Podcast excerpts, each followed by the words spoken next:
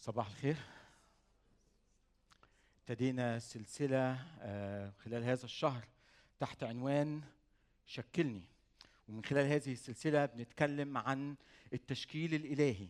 مش الأمور اللي المفروض نعملها لله لكن كيف الله عايز يغير شخصيتنا وهي الصفات اللي المفروض تكون في حياة كل واحد فينا حتى نكون مشابهين صورة ابنه يسوع المسيح. اتكلمنا المرة الماضية عن إنه الشخصية الرؤوفة وفي مثل بيقول كده إنه من شابه أباه فما فما ظلم. يعني إنه في كل مرة الابن بيشبه أبوه ده شيء إيجابي جدا جدا جدا. واتكلمنا المرة اللي فاتت لأنه الله إله رحيم الله إله رؤوف الله إله كل نعمة فإحنا مدعوين إنه نكون رؤوفين آه، رحومين في كل ما نفعله اتجاه الآخرين من حولنا. في هذا الصباح هنتكلم عن الشخصية الشغوفة الشخصية الشغوفة. هنتكلم كمان النهارده عن شخص الله. الله إله قلبه مليان بالحب بالشغف بالشوق الغير عادي لخلاص النفوس حتى ترجع كل الخليقة ليه ويعرفوه إن هو وحده سيد ورب وملك حتى يصالح العالم كله لنفسه في شخص ربنا يسوع المسيح. وصلاتي في هذا الصباح إنه يخلق الله في قلوبنا هذا الشغف الإلهي. وهذا الشغف اللي بيحكي عنه بولس وهو بيتكلم لكنيسته بيقول لهم كده يا أولادي الذين أتمخض أتمخض فيهم حتى يظهر المسيح حتى يتصور المسيح في حياة كل شخص فيكم. لكن موضوعنا في هذا الصباح في سياق معين. هذا الأسبوع بنتكلم عن الكنيسة المرسلة. الكنيسة المرسلة وليس الكنيسة المرسلة.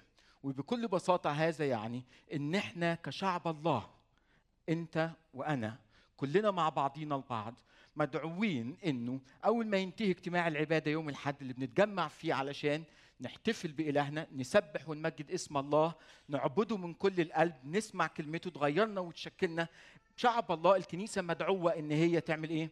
تخرج للعالم كل واحد فينا يمارس المهمة اللي الله وضعها عليه الدور اللي بيقوم بيه سواء في البيت سواء في العمل سواء مع الأصدقاء مع الأقارب مع الجيران مهما كان الأمر اللي بيشغلك طول الأسبوع. وأنت بتمارس هذا الأمر انتبهوا معايا. إحنا بنمارسه وعندنا وعي وعندنا إدراك إن هذه المهمة هي المهمة اللي كلفني بيها الله. وكل ما أفعله في حياتي أنا بفعله علشان يمجد شخص الله. وإحنا مشغولين ببيوتنا بعائلاتنا بأشغالنا بخدماتنا بكنايسنا. إحنا بنعمل ده لأنه ده شو الله لكنيسته ده شو الله لشعبه. إنه يخرج ويكون نور وإنه يكون ملح للعالم اللي هم عايشين فيه. لكن في جانب مهم في حياة الكنيسة محتاجين النهارده نتكلم ونشدد عليه. إنه أنا بهتم بأسرتي وأنا بهتم بعيلتي وإحنا بنهتم بخدمة الكنيسة. لكن هناك أشخاص كثيرين لم يعرفوا الله بعد لم يتصالحوا مع شخص الله بعد.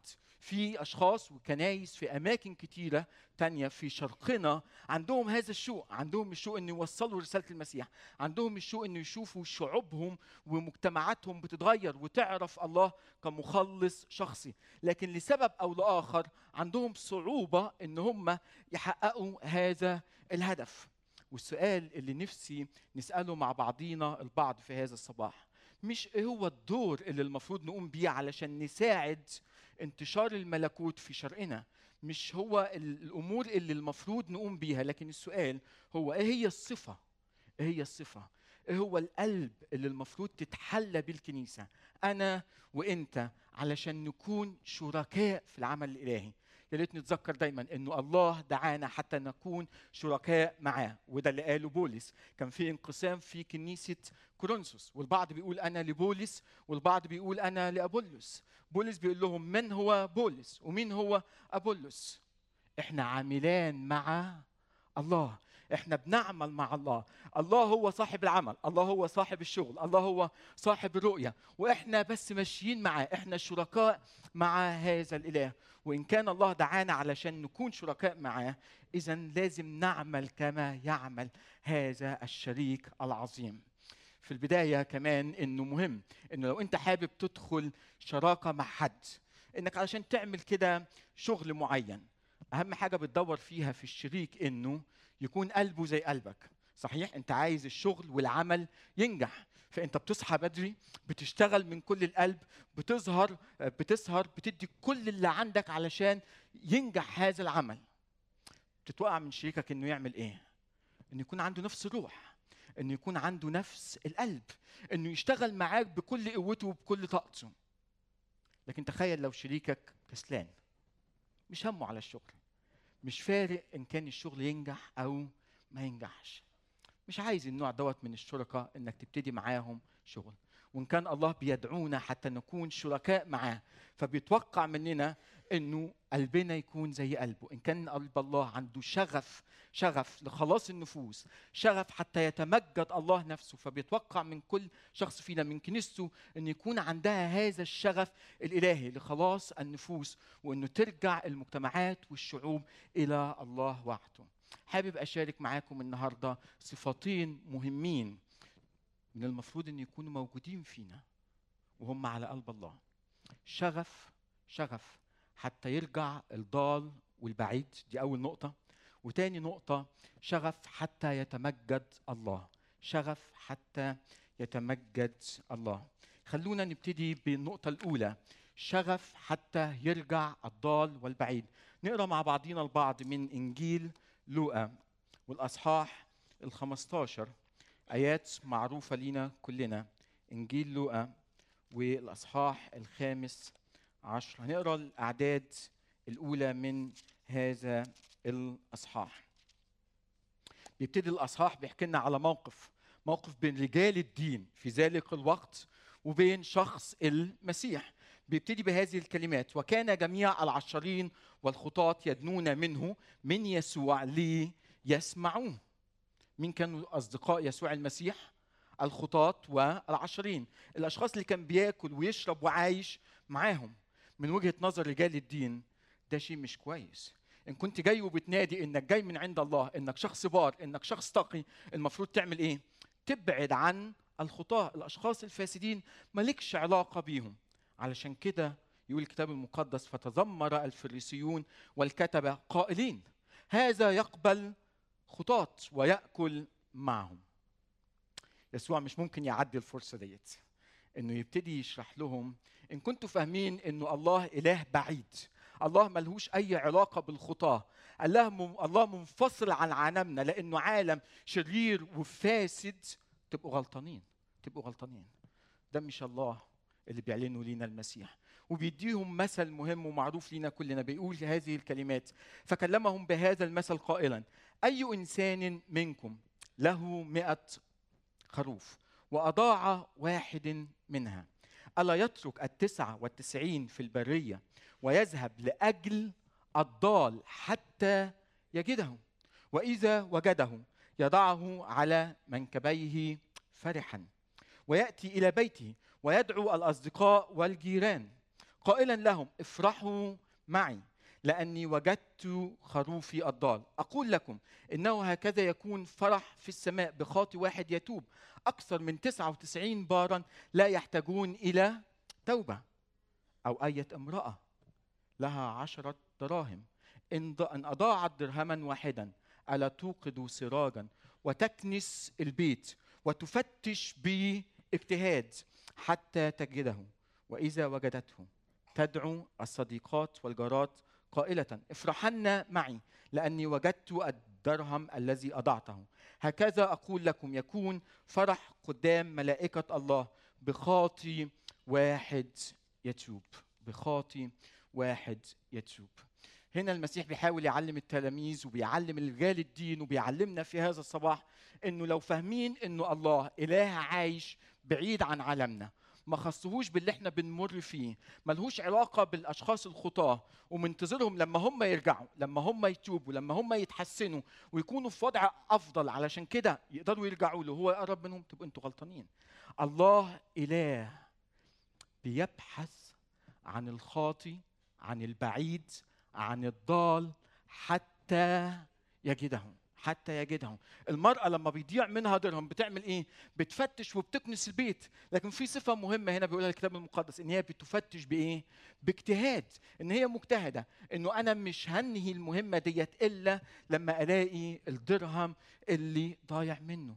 والرسالة كانت واضحة لرجال الدين وواضحة لينا إنه الله إله. بيبحث باجتهاد بيفتش على الخاطئ بيفتش على البعيد بيفتش على الضال. الله إله لا ييأس ابدا. ويمكن حياتك وحياتي اختبارك واختباري بيعلن لينا هذه الحقيقة إنه الله ما كلش ما فقدش الأمل فينا ابدا. بالعكس كل يوم بمراحم جديدة بإحسانات جديدة بحب جديد كان بيظهر لينا ذاته. إلى إنه قررنا في يوم من الأيام إنه نتجاوب مع هذه النعمة الإلهية ونقبله مخلص شخصي لحياتنا. فين المشكلة؟ أحيانا بيبقى عندنا شوق وعندنا هذه الرغبة إن النفوس ترجع للمسيح. بس أوقات بينقصنا هذا الشغف الداخلي إنه نفتش باجتهاد حتى يرجع الضال. أوقات بنقول إنه أنا حاولت مع صديقي حاولت مع قريبي حاولت مع جاري أنا عملت كل اللي عليا لكن واضح إنه مفيش أمل مفيش أمل مفيش أمل. فخلاص خليني أشوف حاجة تانية أعملها في حياتي أو يمكن خليني أهتم بشخص تاني. لكن الكتاب المقدس بيقول لنا ما تكلش ابدا ما تكلش ابدا لا تيأس ابدا لأنه الله يعمل. الله ما زال يفتش. الله ما زال يبحث عن الخاطي والضال والبعين والله مش ممكن مش ممكن هيوقف عمله إلى إنه ترجع كل الخليقة ويصالح كل الخليقة لنفسه في شخص ربنا يسوع المسيح إلى إنه يأتي اليوم. اللي فيه كل ركبة ممن في السماء ومن على الأرض ومن تحت الأرض تعترف إن يسوع المسيح هو رب لمجد الله الآب. لكن هذا التفتيش مهم مهم. وإحنا زي ما قلت مشغولين في حياتنا في خدماتنا عندنا طاعة حقيقية للرب بنحاول إنه فعلا نخدم الرب ونظهر مجده في حياتنا. محتاجين هالاجتهاد علشان نتذكر إنه إحنا مش لوحدينا. إنه الله حلمه أكبر من حلمنا. إن كان حلم حياتي ده حلم رائع حلم أسرتي ده حلم رائع حلم كنيستي ده حلم رائع حلم المنطقة والمجتمع اللي أنا عايش فيه ده حلم رائع. لكن الحلم مش حلمك ومش حلمي. الحلم حلمه هو وقلب الله شغوف مش بس علينا إحنا كأفراد لكن على كل الخليقة. علشان كده محتاجين وإحنا بنعيش حياتنا في طاعة حقيقية. نتذكر وده بياخد مننا اجتهاد. محتاج إصرار محتاج عزيمة في كل شيء بنعمله. إن هناك مجتمعات هناك شعوب هناك كنائس محتاجة إنه نقف معاها إنه نساعدها نصلي لأجلها ونكون بنساعدهم إن هم ينشروا رسالة المسيح حتى يتصالح العالم كله مع الله. نفتش باجتهاد على البعيدين في مناطق لم يصل إليها الإنجيل بعد الكنيسة وعمل الله لا يحد مكان ولا يحد زمان. لكن علينا إن إحنا نجتهد كمان في الصلاة. بنصلي لأجل البعيدين لأجل الأشخاص اللي بيعملوا في مثل هذه المناطق. الخدمة صعبة وإبليس حربه شرسة ومحتاجين نكون ككنيسة بنقدر نقف في الصلاة نقف كده في الثغر أمام الله ونصلي لأجل شعبه لأجل خليقته لأجل كنيسته لأجل جسده لأجل خدام الله في هذه المناطق ونطلب ليهم معونة ويكون في العزيمة والإصرار ديت موجودين في حياة كل شخص مننا. محتاجين نفكر إحنا ككنيسة إحنا ككنيسة وإحنا بنقوم بدورنا وإحنا بنقوم بمسؤولياتنا. محتاجين نفضل نذكر بعضينا البعض محتاجين نفضل نذكر بعضينا البعض. اللي بنقوم بيه رائع اللي بنقوم بيه عظيم اللي بنقوم بيه هو فعلا طاعة من كل القلب لله. لكن محتاجين من وقت للتاني كده نذكر بعض ونقول لبعضينا يا ريت ما ننساش البعيدين يا ريت ما ننساش البعدين يا ريت ما ننساش جسد المسيح في شرقنا. لأنه ده بيحتاج زي ما قلت من لحظات بحث اجتهاد وعزيمة وإصرار إنه مستمرين نسمع لله نسمع لصوت الله ونهتم بهؤلاء البعيدين لكن في الحقيقة أي بحث مكلف أي بحث مكلف. تخيلوا معايا الراعي الراعي ساب ال 99 وراح على الجبال بيفتش وبيبحث وده أمر فيه خطورة ده أمر مكلف ده أمر مش سهل ابدا. ما كانش عندنا الاستعداد إن نضح نضحي بوقتنا ككنيسة من وقتنا من مواردنا من امكانياتنا ونصمم إنه نبحث عن الضال والبعيد. هيكون في شيء محتاجين نرجع ونمتحنه مرة تاني فينا ككنيسة. نضحي بأنه نخرج نخرج خارج ذواتنا خارج أفكارنا ونفكر مع الله في البعيد والمحروم والضال. لكن أحيانا بنسأل أحيانا بنسأل هذا السؤال. اللي بيفرح قلب الله اللي بيفرح قلب الله. ليه أوقات بتغيب الفرحة أحيانا من وسط الكنيسة؟ ليه أحيانا الفرحة بتغيب من حياتنا؟ الكتاب المقدس بيقول حاجة مهمة إنه لما الراعي بيلاقي الخروف الضال ده بيعمل إيه؟ بيعمل إيه؟ بيبتدي يعمل حفلة كبيرة قوي قوي قوي بيعزم الأصدقاء والجيران وبيقول هذه الكلمات إنه الخروف اللي ضاع مني أنا لقيته مرة تانية. ويقول الكتاب المقدس هي دي السماء هو ده قلب الله. هي دي الكنيسة. الكنيسة اللي دايما بتفرح وبتهلل وبتسبح وبتعظم الله. لما تشوف الناس بترجع لما تشوف النفوس بتعرفه لما تشوف مجتمعات بحالها بتتصالح مع الله وبترجع وبتؤمن بيه إن هو سيد ورب ومخلص. محتاجين نسمع الأخبار دي. محتاجين إنه نسمع الأخبار دي محتاجين إنه ننغرس في هذا العمل لأنه دوت بيفرح قلب الله ده بيفرح الكنيسة ده بيفرحنا إحنا إنه نشوف الله بيتمجد وبيتعظم في حياتنا وفينا ومن خلالنا للمجتمعات اللي إحنا بنعيش فيها. قد إيه بنشوف أوقات وده بنختبره بنختبره. لما بتيجي بتسأل إيه أخبار العيلة؟ إيه أخبار ولادك؟ أحيانا بتسمع كده غصة في القلب وبقول لك آه ابني بعد ابني ضل. وبتحس فيها نوع من الانكسار فيها نوع من الحزن. وكأنه شو قلب الأب والأم ياه! لو ابني يرجع مرة تانية ويعرف الله ويمشي في الطريق الصح.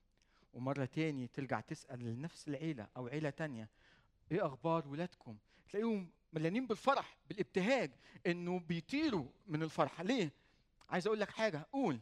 ابني عرف المسيح ابني رجع لله ابني ساب كل الطرق الرضية ديت ابني اتخلص من ال... من الزنا من المخدرات من من من من من. وبتحس إن الفرحة طايرين من الفرح بسبب إنه ابنهم كان ضال كان ميت ووجد هو ده قلب الله.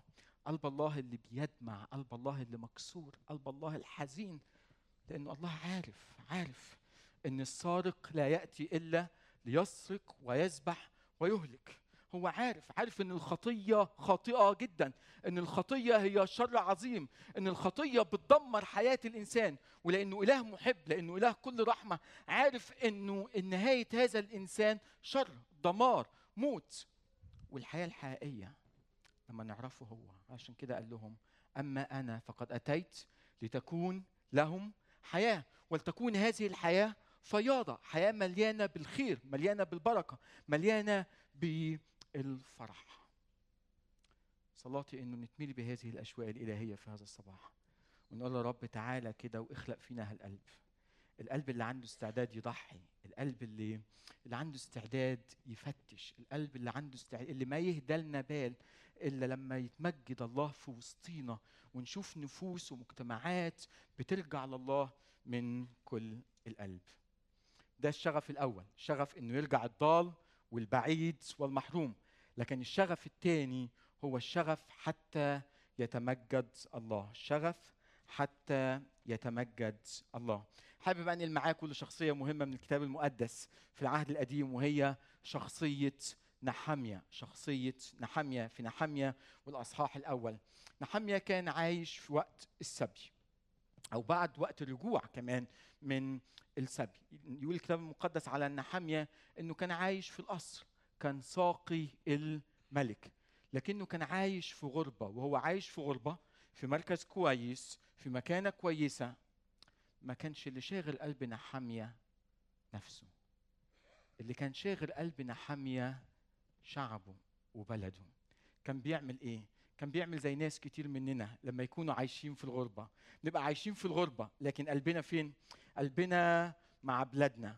علشان كده كل يوم تلاقينا بنقرأ الأخبار أكتر من أي شخص يمكن عايش جوه البلد. ولو في أي شخص مسافر وقابلناه جاي من بلدنا بنبتدوا نسأله بكل شغف طمنا. إيه أخبار البلد؟ إيه أخبار الأصدقاء؟ إيه أخبار الكنيسة؟ إيه أخبار العيلة؟ خبرنا على اللي بيحصل هناك. في شغف. نحمية يقول الكتاب المقدس إنه كان عايش ساقي للملك بس هو عايش ساقي للملك يقول هذه الكلمات. نحمية الأصحاح الأول والعدد الثاني. إنه جاء حناني واحد من إخوتي. هو ورجال من يهوذا جايين من مدينة يهوذا. فسألتهم عن اليهود الذين نجوا الذين بقوا من السبي وعن أورشليم. سؤالنا حامية ده مهم عارفين ليه؟ لأن الكنيسة اللي عندها شغف إنه يتمجد الله كنيسة مش مهتمة فقط بنفسها. زي نحامية لكن كنيسة مهتمة بالواقع. بتحاول تقرأ الواقع بتحاول تعرف إيه اللي بيحصل في البلاد والشعوب اللي إحنا بنعيش فيها. بنحاول نسأل طمنونا. إيه أخبار الكنيسة في البلد الفلانية؟ إيه أخبار الكنيسة في البلد الفلانية؟ إيه أخبار عمل الله في شرقنا؟ السؤال ده مهم لأنه بيظهر إنه في اهتمام في رغبة إنه نعرف عن الله وعن عمله في رغبة إنه نحاول نساعد. دي نقطة مهمة دي نقطة مهمة. إنه نحمية كان شخص عايش في القصر لكن كان مشغول ببلده. وكان دايما مشغول بالواقع دايما مشغول بالواقع بالمجتمع اللي هو تركه وهو الآن عايش في السبي. بس للأسف مش كل اللي بنسمعه دايما بيكون أخبار حلوة صحيح؟ وده اللي حصل مع نحمية يقول الكتاب المقدس لما ابتدى نحمية يسأل قالوا له الأخبار اللي إحنا هنسمعها مع بعضينا البعض. فقالوا لي فقالوا لي أن الباقين الذين بقوا من السبي هناك في البلاد هم في شر عظيم وعار وعار. وسور أورشليم منهدم وأبوابها محروقة بالنار. أبوابها محروقة بالنار. إيه رأيكم في الأخبار ديت؟ أخبار سيئة جدا جدا جدا. إنه إيه أخبار المدينة؟ في خراب في دمار. في موت وشعب الله في عار في عار في عار. أوقات كتير لأنه بنعيش الواقع المر كل يوم وبنسمع أخبار سيئة كل يوم وبنشوفها على التلفزيون مشاهد موت وحرب وأطفال متشردة. بيوصل علينا وقت بيبقى طبيعي بيبقى عادي. في الأول مشاعرنا كانت بتتحرك وبعد شوية عادي بنشوف الخبر وبنقلب نتفرج على شيء تاني. بنشوف الخبر وكأنه أصبح طبيعي. بنعيش في مجتمعاتنا وبنشوف فساد وبنعيش معاه وكأنه طبيعي. بنشوف شر بنشوف اغتصاب بنشوف إدمان بنشوف بنشوف مخدرات بنشوف أجيال حالها أمام عينينا بتضيع. ولأنه بنعيشها كل يوم بنحس إنه ده الطبيعي. بالنسبة لنحاميه ده ما كانش الطبيعي. ده عار ده عار. إنه يكون في موت إنه يكون في خراب إنه يكون في اغتصاب إنه يكون في فساد إنه يكون في كل الشر اللي موجود ده عار. ده مش الطبيعي.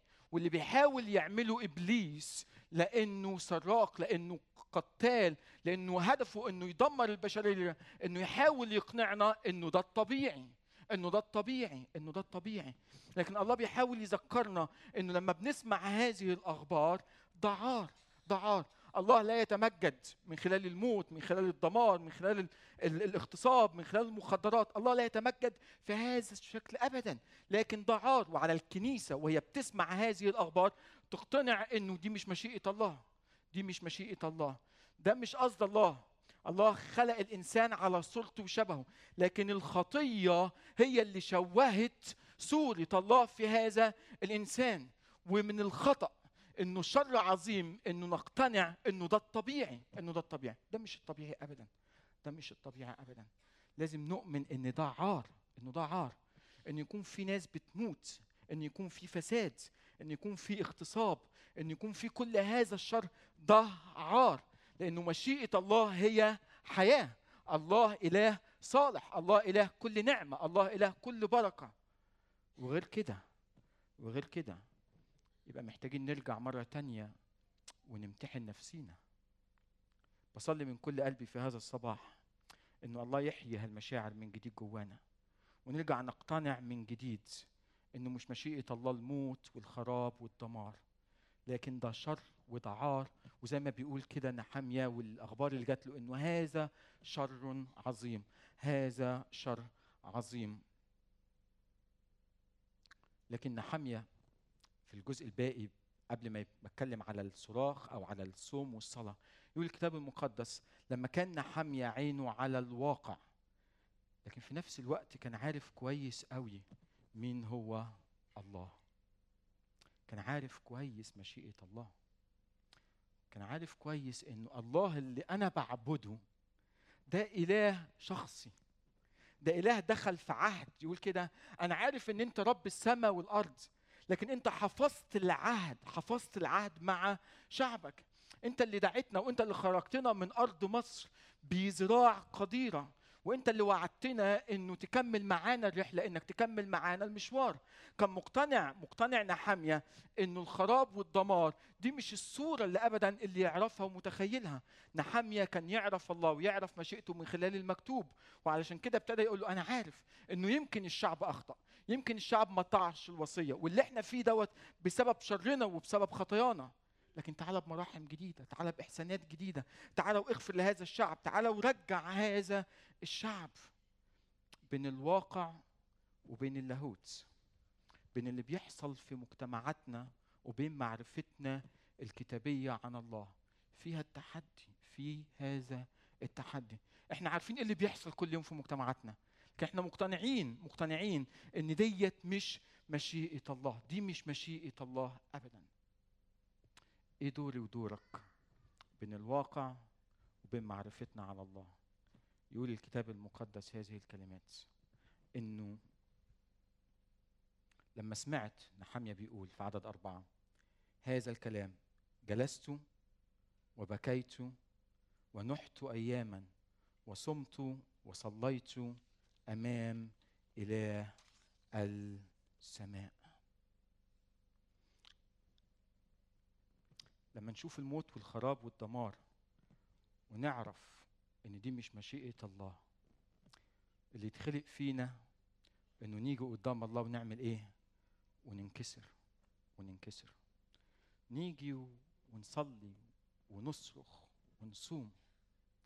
لأنه في كل مرة بنيجي فيها قدام الله وبننكسر. بيجي الله كده ويخلق فينا من جديد أحشاء رحمة. بيجي كده الله وبيعلمنا إزاي نصلي أكتر وأكتر.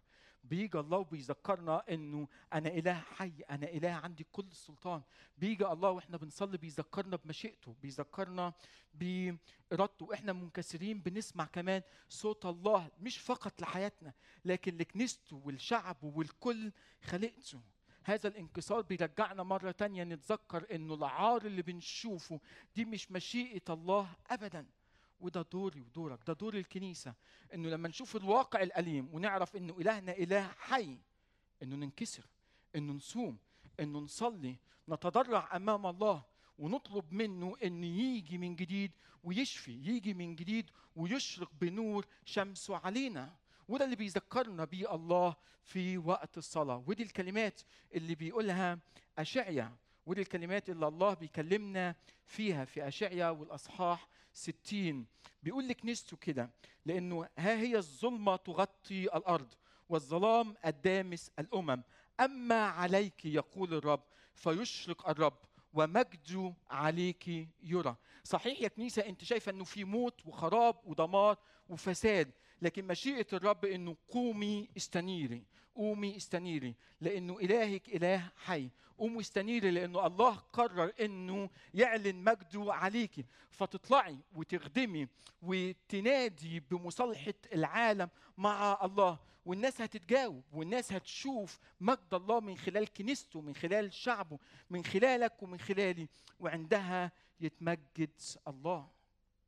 ولو بنسأل السؤال وأنا بختم في النهاية كيف يتمجد الله؟ يرجع أشعيا في أصحاح 61 ويقول هذه الكلمات والكلمات اللي استخدمها المسيح نفسه. إن روح السيد الرب عليا. روح السيد الرب علينا. لأن الرب مسحني. مسحك مسحني مسح الكنيسة. إمتى يتمجد الله؟ إمتى يتمجد الله؟ يتمجد الله لما المساكين تكون عندهم خبر صار. إمتى يتمجد الله؟ لما اللي منكسر القلب الشخص اللي قلبه مكسور يرجع ويتشفي من جديد. إمتى يتمجد الله؟ يتمجد الله لما الشخص اللي مذلول في عبودية الخطية سواء في جنس سواء في مخدرات سواء في فساد سواء في رشوة يرجع ويعرف الله مرة تانية. إمتى يتمجد الله؟ لما تخرج الكنيسة وتنادي بسنة مقبولة بسنة فيها تعويض عن السنين اللي أكلها الجراد. إمتى يتمجد الله؟ لما يجي الله من خلال كنيسته من خلالك ومن خلالي ويعزي كل الأشخاص اللي في قلبهم حزن نتيجة على موت نتيجة على دمار على خسارة غير عادية. إمتى يتمجد الله؟ لما أجعل لنائحي صهيون لما أعطيهم جمالا عوضا عن الرمان. لما يتمجد الله لما يحول القبح القبح اللي إحنا بنشوفه كل يوم واصبح صورة عادية في مخيلتنا يحوله إلى جمال. فبدل الموت بدل الدمار بدل الخراب يرجع الله ويبنينا يرجع الله ويبني بيوتنا يرجع الله ويبني مجتمعاتنا يرجع الله ويصالحنا لنفسه من جديد. عندها يتمجد الله. إمتى يتمجد الله؟ يتمجد لما يحول الصراخ والعويل والبكا لفرح لفرح لفرح. لفرح. إمتى يتمجد الله؟ بدل الحزن يكون في رداء تسبيح. إمتى يتمجد الله؟ لما كل الأمور دي تتم ولما تيجي الشعوب من حوالينا وتشوف إنه اللي بيعمله الله ده شيء يفوق تخيلات البشر. ما يقدرش أي إنسان على إنجازه لكن الله نفسه الله نفسه من خلال كنيسته من خلال شعبه يخلق أو يغرس هذه الغرسة الجديدة.